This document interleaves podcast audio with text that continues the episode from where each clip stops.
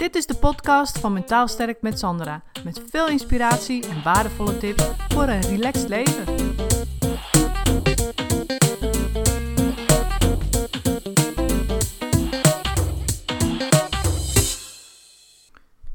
Ik moet zeggen dat sinds uh, het hele corona-verhaal en uh, ja, mijn zoon natuurlijk ook thuis zit voor school, dat ik toch ook weer een heleboel interessante dingen van hem heb geleerd.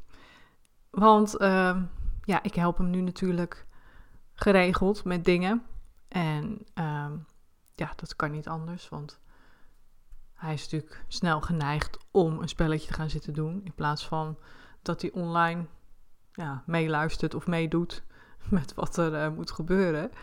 Um, dus ik kijk dan wel van wat is de planning van school en uh, ja, hoe ver is die en zo. Nou, en soms dan help ik hem dus ook met dingen. Alleen met de talen moet ik zeggen, wiskunde en zo, daar begin ik allemaal helemaal niet aan. Daar heb ik een online coach voor die hem daarbij helpt. En, maar de talen, dat vind ik wel leuk, dus Engels en Frans. Dus dat, uh, dat doen we dan wel eens samen. En het is echt heel grappig. Dat, dan zie ik, ik wist, ik wist natuurlijk ook wel dat hij heel anders in dat hele schoolverhaal zit dan ik vroeger. Of als ik nu naar school zou gaan. Maar um, ja, het was echt gewoon, gewoon hoe hij dat deed, dat werd me gewoon des te duidelijker. hij is gewoon ja, niet, niet echt gemotiveerd voor school. Weet je, hij, voor hem is het echt een noodzakelijk kwaad. En ja, hij doet eigenlijk zo min mogelijk um, gewoon alles net op het randje. Weet je wel, gewoon alles voor een vijf en half. Hè, dus nog geen eens voor een zes, maar gewoon een vijf en half. En ja, vroeger, ik, ik heb het VWO gedaan. En bij mij was het gewoon zo van. Um, ik deed wat ik kon. En als ik daar dan een 6 mee haalde, ja, dan baalde ik, weet je wel. Want dan had ik voor mijn gevoel daarvoor een team voor geleerd. En als ik dan een 6 haalde, ja, dan baalde ik. En ik leerde gewoon ook altijd voor een 8 of een 9. Weet je, ik wilde gewoon ook voor de, voor de talen zeker hoge cijfers halen. Dat vond ik leuk. Vond ik ook echt leuk. En als ik dan van biologie, scheikunde, natuurkunde, al die rotvakken, weet je wel, wiskunde al helemaal natuurlijk daar uh, deed ik echt, echt mijn best voor om daar gewoon goede cijfers voor te halen. Maar dat lukte me dan niet. Dus ik deed er wel heel erg mijn best voor. Alleen het lukte me niet. Dus ondanks dat bleef ik toch volhouden om daar mijn best voor te doen en daar goede cijfers voor te halen. Ik heb nooit echt het gevoel gehad van: oké, nou dan geef ik dit maar op of zo. Weet je? Als ik dan vier keer een, eh, een, vier of vijf voor natuurkunde of scheikunde had gaan, dan ging dan, dan ja Kijk, mijn zoon die zegt dan, nou, pff, uh, dat haal ik toch nooit meer op hoor. Dus ja, ga ik ook niet meer heel erg uh, aantrekken, weet je wel? Die mentaliteit. En ik had dan vroeger zoiets van, ja, maar ja, dan moet ik toch de volgende keer een goed cijfer proberen te halen, weet je? Dus dan was ik echt toch nog gewoon daar heel erg mee bezig. En nou, dat heeft hij dus niet. en het was echt heel grappig, want we zaten dus Frans samen te doen. Nou, dan had je dus een verhaaltje, dat moest je eerst lezen. En dan werd er dus aan de hand van het verhaaltje werden vragen gesteld. Oké, nou dus. Ik, ik begon dat keurig te lezen. Er stond, lees het verhaal. Dus ik, oké, we gaan het verhaal lezen. Dus ik begon op zijn Frans, weet je wel. Dus, uh, ja, nou oké. Dus ik begon het keurig te lezen. En wij zaten samen op één scherm te kijken. En wat deed mijn zoon? Die ging al naar vraag 1. Die las dat dus helemaal niet. Die ging gewoon naar vraag 1. En er stond dus... Um, wat deed uh, Truusje, ik weet de naam even niet meer, maar wat deed ze op 24 juli en in welk land was ze toen? Want het, het verhaaltje ging over iemand die uh, samen met haar vader door verschillende landen had gereisd. En in elk land gebeurde er wel iets, weet je. Het ene land kreeg ze heimwee, in het andere land was ze, had ze last van de jetlag. En in dat land had ze bergen beklommen en nou, dat soort dingen. Dus dat is wat er in dat verhaaltje stond. Maar hij las dat verhaal dus helemaal niet. Hij ging gewoon naar vraag 1. En daar stond, de vraag was, wat deed uh, Truusje op 24 juli? In welk land was ze toen? En wat deed hij toen? Eigenlijk is het heel briljant wat hij deed. Maar dat was dus gewoon echt iets wat totaal niet, nooit niet in mij op zou zijn opgekomen. Dus dat was voor mij echt helemaal nieuw. Hij ging gewoon in die tekst, ging die zitten scannen. Hij ging die tekst afscannen totdat hij 24 juli zag staan. Dus 24, dat getal. Dus hij ging scannen naar 24. 24 juli. Ja, oké. En die tekst was een soort van opgedeeld in subkopjes. Dus boven die alinea waar dan die 24 juli in stond, daar stond India. Of zo. Dus hij zo, eerste antwoord India. En hij las dus ook nog geen eens dat hele alineaatje waar, waar dan in stond van ja, 24 juli, deze dit en dat in dat land. Hij zag gewoon 24, daarboven stond India, hup, bam, dat is het antwoord. En ik zou, ik zeg tegen hem, ik zeg ja, maar moet je niet even kijken of dat goed is. Weet je, hoe, wat deed ze daar dan in het land? Ja, zegt hij, dat slaan we gewoon over. Hup, volgende vraag.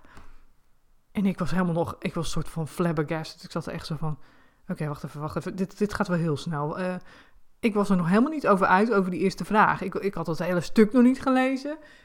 Eh, dat ten eerste. Ik had, en als ik het al gelezen had, was het nog niet eens zo goed tot me doorgedrongen. Ja, het is toch even Frans, weet je wel. Dan moet je eventjes, net eventjes twee, nog even een keer lezen. Dat je denkt, oh ja, dat staat er. Maar hij was al bij vraag 2. En ik moest gewoon nog dat hele moment verwerken van... Oh, wacht even, 24 in, ja. Ja, oké, huh? vraag 2, oh ja. Nou, en dus hij zat al bij vraag 2. En dat was de vraag bijvoorbeeld van, in welk land was ze vermoeid? Nou, hij wist dan uh, vermoeid, fatigué op zijn Frans. Dus hij weer die tekst doorscannen op zoek naar het woord fatigué. En, nou, en weer daarboven stond het land uh, Brazilië, zo. Dus hij, ja, antwoord Brazilië. Nou, en zo ging dat door. En ik, en ik denk van, hè, wat is dat? Weet je, ik, ik, het ging zo snel ook dat hij dat deed, dat ik dacht van ja, ik zeg tegen hem, weet je nou eigenlijk waar het over gaat? Weet je nou wat er staat? En joh, zegt hij, toen is het moeilijk. En de laatste drie vragen, dat was helemaal grappig, de laatste drie vragen, dan kon je niet uit het land kiezen, want er was dan meer keuzevraag van welk land. Of je moest het intypen, weet ik niet, maar dat was een heel makkelijk kort antwoord. Of het was een meer keuzevraag. En de laatste drie vragen, die werden wat moeilijker. Dan moest je een uitgebreid antwoord gaan geven en typen. Wel op zijn Nederlands, maar toch, hè. Dus hij zag dat al, die laatste drie antwoorden. En ik was nog gewoon uh, ik, ik, liep sowieso al achter de feiten aan, uh, gezien hoe hij het aanpakte. Maar ik was helemaal zo van, oh wacht even, vraag 8. Dus ik ging nog die vraag zitten lezen. En hij klikt ineens onder mijn neus, 8, 9, 10. Klikt hij gewoon wat aan. Hij typt daar uh, iets, iets, iets in wat op, gewoon op het toetsenbord. Weet je, als je je vingers zo beweegt, dan krijg je F, J, K, F, L, A. Weet je dat? Dus dat typt hij in en hij klikt op verder. Het is allemaal digitaal en die antwoorden geven. Dus hij klikt op verder. En dan krijg je een cijfer. En er stond iets van een, uh, een 6 of zo. Dus het was net een 6. En ik zeg, wacht even. Ik zeg, maar wij moeten nog die, die laatste drie vragen heb je helemaal niet beantwoord. Dan kun je toch niet zomaar iets intypen? Jeetje, zegt hij. Jij snapt ook echt niks, hè? Zegt hij. Je snapt het echt niet. Ik zeg, nee, ik snap het niet. Hoezo? Leg uit. Waarom klik je nou die drie vragen door? Nou, zegt hij. Echt op zo'n toontje van, hoe dom kun je zijn, weet je? Dus hij zegt, nou, je hebt negen vragen. Nou, hebben we er zes van gedaan. Die zes zijn vast wel goed. want hij had die tekst gescand, hè? dus op Fatigue en 24. Dus hij, dat was gewoon goed. Was hij ook van overtuigd. En hij zegt, dan ga ik die laatste drie vragen toch niet beantwoorden. Want als ik die zes goed heb en, als, en in die drie niet, dan heb ik toch ook nog een voldoende. En toen dacht ik, ja, ik weet niet, ik weet niet of ik dit nou gewoon briljant moet vinden. Of dit, weet je, of je iets van moet zeggen. Ik had echt zoiets van, oh, voor mij was het gewoon überhaupt helemaal nieuw om op die manier te werken. Dus ik was vooral gewoon helemaal verbaasd en ik moest het allemaal eventjes laten bezinken. Dus ik heb er eigenlijk niet echt iets van gezegd. Ik, heb, ik zei alleen maar, oké, nou, volgende vraag dan. Dus ik denk, ja, ik wil ook niet uh, hem dwingen. Ik wil hem zeker niet dwingen een perfectionist te worden, weet je. Van, nee, je moet het goed doen, je moet het allemaal af hebben en maar ja, op deze manier werken is toch ook wel heel erg laks. Weet je, dat, dat je denkt, mm, ik weet het niet hoor, of dat wel. Weet je, ik moest daar zo in schakelen naar iets wat ik gewoon ook niet, zelf niet gewend ben om te doen in een schoolsituatie. Ik kan het wel op hele andere gebieden, weet je. Dus het huishouden loslaten en het schoonmaken. En weet je, en loslaten van... Ehm, gedrag van anderen. Weet je, dat je, dat je denkt van, oh ja, nou, we gaan, het verandert toch niet, weet je, van mensen in familie en zo. Maar dit was echt gewoon, dat ik dacht van, oh ja, weet je, dus de laatste keer dat ik echt voor een uh, schoolsituatie zat, was natuurlijk tijdens mijn opleiding voor psycholoog, maar ook, ja, als ik dan zelf terugkijk naar, dat, naar die VWO-tijd, Kijk, toen ik psycholoog was, was ik ook nog heel erg gedreven. Maar, of toen ik die opleiding deed, was ik heel erg gedreven. Maar was ik niet per se gedreven om tienen te halen en achter. Dat ging gewoon eigenlijk vanzelf. Ik haalde gewoon 6, 7, 8, weet je. Gewoon omdat ik het leuk vond en ik daar heel veel passie en energie voor had. En die stof gewoon, weet je, vond ik leuk, weet je. Dus dat ging echt automatisch. Daar deed ik niet heel erg bewust mijn best voor om dat uh, goed te doen. Weet je, echt helemaal niet. Dat ging gewoon vanzelf. En ook wel eens niet goed, weet je. Ik had ook wel eens vijf en een half of zes dat het allemaal net ging. Toen dacht ik ook, nou ja, ook prima. Weet je, er was dan net een vak wat ik wat minder interessant vond. Dus dat was voor mij gewoon makkelijker om dat op dat moment, ja, me daar niet druk over te maken of zo. Uh, maar op het VWO heb ik natuurlijk, ja, zat ik, zoals ik nu terugkijk, denk ik van, ik heb echt nog een beetje die oude verbinding. Want het was natuurlijk ook allemaal stof wat ik op de middelbare school had gehad, waar ik dus met mijn zoon ook weer mee bezig was. En dat ik toch een soort van in, dat, in die oude gewoonte ging, die ik dus blijkbaar ook tijdens dat VWO had, van ja, vragen overslaan, weet je, kwam niet in me op. Ik ging gewoon al die vragen af en ik deed mijn best om al die vragen zo goed mogelijk te beantwoorden. Snap je? Dus ik was gewoon helemaal nog dat ik bij mezelf ook dacht van, maar het is vooral waar ik nu last van heb, is vooral die oude van vroeger, die, ik blijkbaar, die er blijkbaar nog ergens zit. En die niet bedacht heeft dat het ook anders kan. Hè, op het gebied van uh, dat middelbare schoolwerk dan.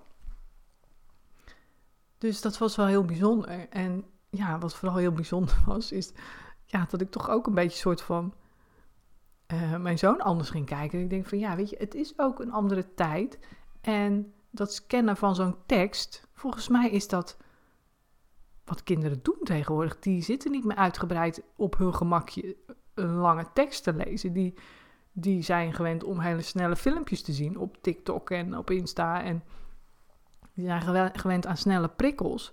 Dus die doen dat ook heel anders. Dus die, die, die scannen supersnel door zijn tekst. En nou, weet je, het is gewoon een hele andere manier van, van informatieverwerking.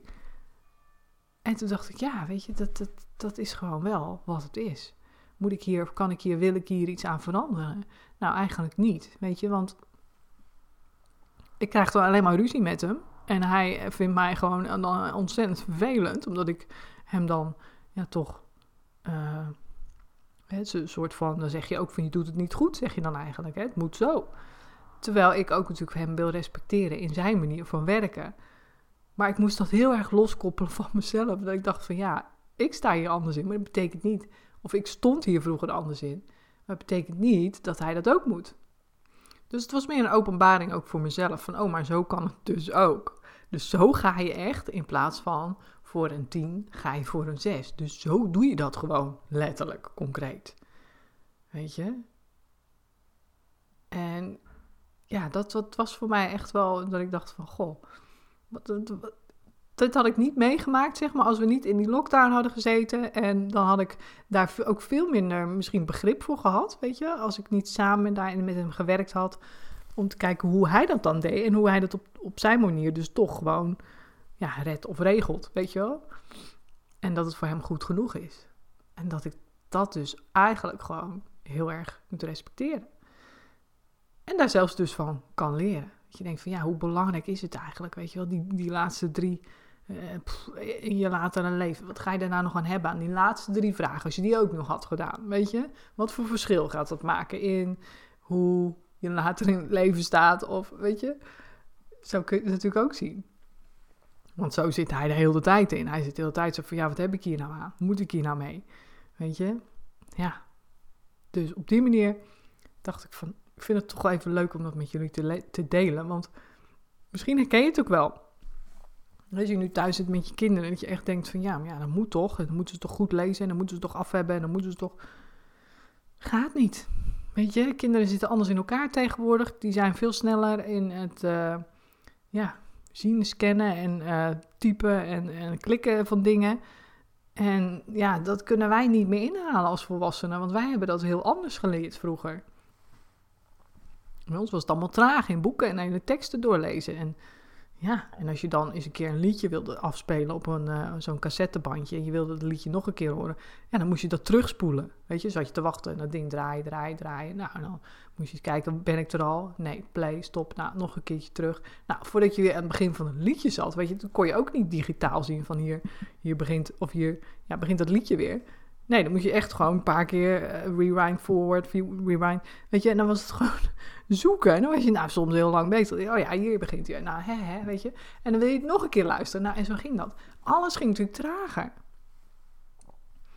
Dus ja, we hebben ons daar toch uh, een soort van in aan te passen aan onze kinderen ook van accepteren dat het bij hun anders gaat.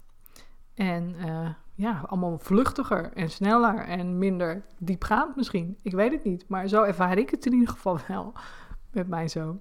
En uh, ja, hij heeft me echt gewoon voorgedaan hoe je dus echt voor een 6 gaat. Dus ook voor de perfectionisten onder ons die nu luisteren. Als je voor je werk een uh, notulen moet schrijven of een rapport of weet je, denk ook eens dan aan deze podcast. Sla gewoon eens die laatste drie vragen over en of beantwoord ze heel kort met één woord, weet je. Whatever, maar maak het gewoon voor jezelf, maak er een zes van. Want een notulen, een rapport, een beleidstuk, een, uh, een e-mail, een, uh, ja, weet ik veel, een rapportage of wat dan ook. Hoe vaak wordt het nog gelezen? Hoeveel mensen? Hoe belangrijk is het? Snap je? Dus denk daar ook eens bij na. Van, net als dat ik zei van hoe belangrijk is het nog, die drie vragen uh, in je latere leven. Hoe belangrijk is het nu in je latere leven? Of hoe belangrijk is het dat wat je nu doet, hè, die laatste drie vragen nog even goed beantwoorden, uitgebreid omschrijven. Ja, hoe belangrijk is dat voor je latere leven? Weet je? Dus ik, ja, ik denk dat dat gewoon een hele goede is om je... Um, om je een beetje aan vast te houden. Zo van, ja, hoe belangrijk zijn hè, die laatste drie onderwerpen van de notulen of van mijn rapport. Of gewoon überhaupt alle onderwerpen. Hoe belangrijk is het om dat heel uitgebreid te gaan schrijven? Kun je je gewoon eens gaan afvragen.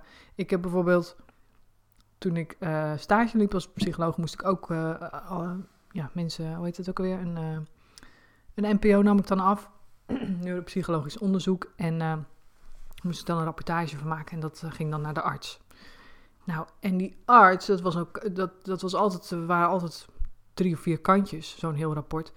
En ja, dan zat je best wel even op te typen, weet je wel. En ik deed dat natuurlijk gewoon voor het eerst, dus voor mij was het allemaal nieuw. Maar uiteindelijk kwam ik ook achter, die arts die kijkt alleen maar naar de samenvatting, naar de conclusie, weet je. Dat is de laatste alinea. Toen dacht ik ook, ja, maar waar zijn we nou hier helemaal mee bezig?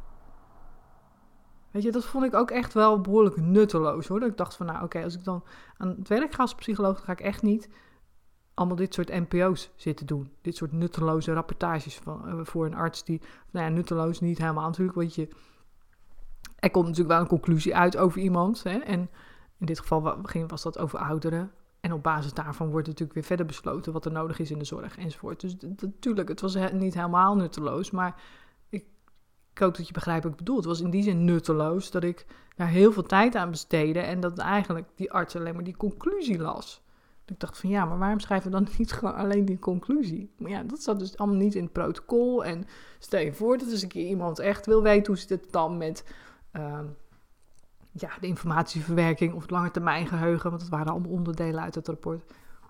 Stel je voor dat iemand dat ooit nog eens gaat bekijken en daar iets dieper op in wil ja, dan staat het er niet in. Hè? Dus dat was dan het argument. Maar ja, er was niemand, geen hond die daar ooit naar vroeg hoor. In ieder geval niet in die tijd dat ik daar heb gezeten. Dus snap je? Het is gewoon echt dat ik denk, zonde zeg. Al die tijd dat ik daar aan heb besteed. Want op een gegeven moment weet je het ook wel. Weet je, in het begin denk je, oh interessant, dat kan ik nog niet. Nou leuk, daar kan ik van leren. Maar ja, op een gegeven moment heb je twintig van die rapporten gezeten. En dan denk je, jeetje, ik kan ze gewoon bijna allemaal een eh, soort van kopiëren, plakken en... Uh, en uh, ja, als je niet oppast, ga je het een beetje met je ogen dicht zitten doen. Weet je wel zo. Dat je ook denkt, dat het, maar dat voelt ook niet lekker. Weet je, dan voel je ook een beetje een soort van verveeld, verveeld ermee. Dus, nou, hoe dan ook. Als je nu bezig bent en je probeert het heel erg goed te doen, denk dan aan deze podcast en aan mijn zoon en hoe die dingen aanpakt. En ja, neem het mee, zou ik zeggen. Dus heel veel succes.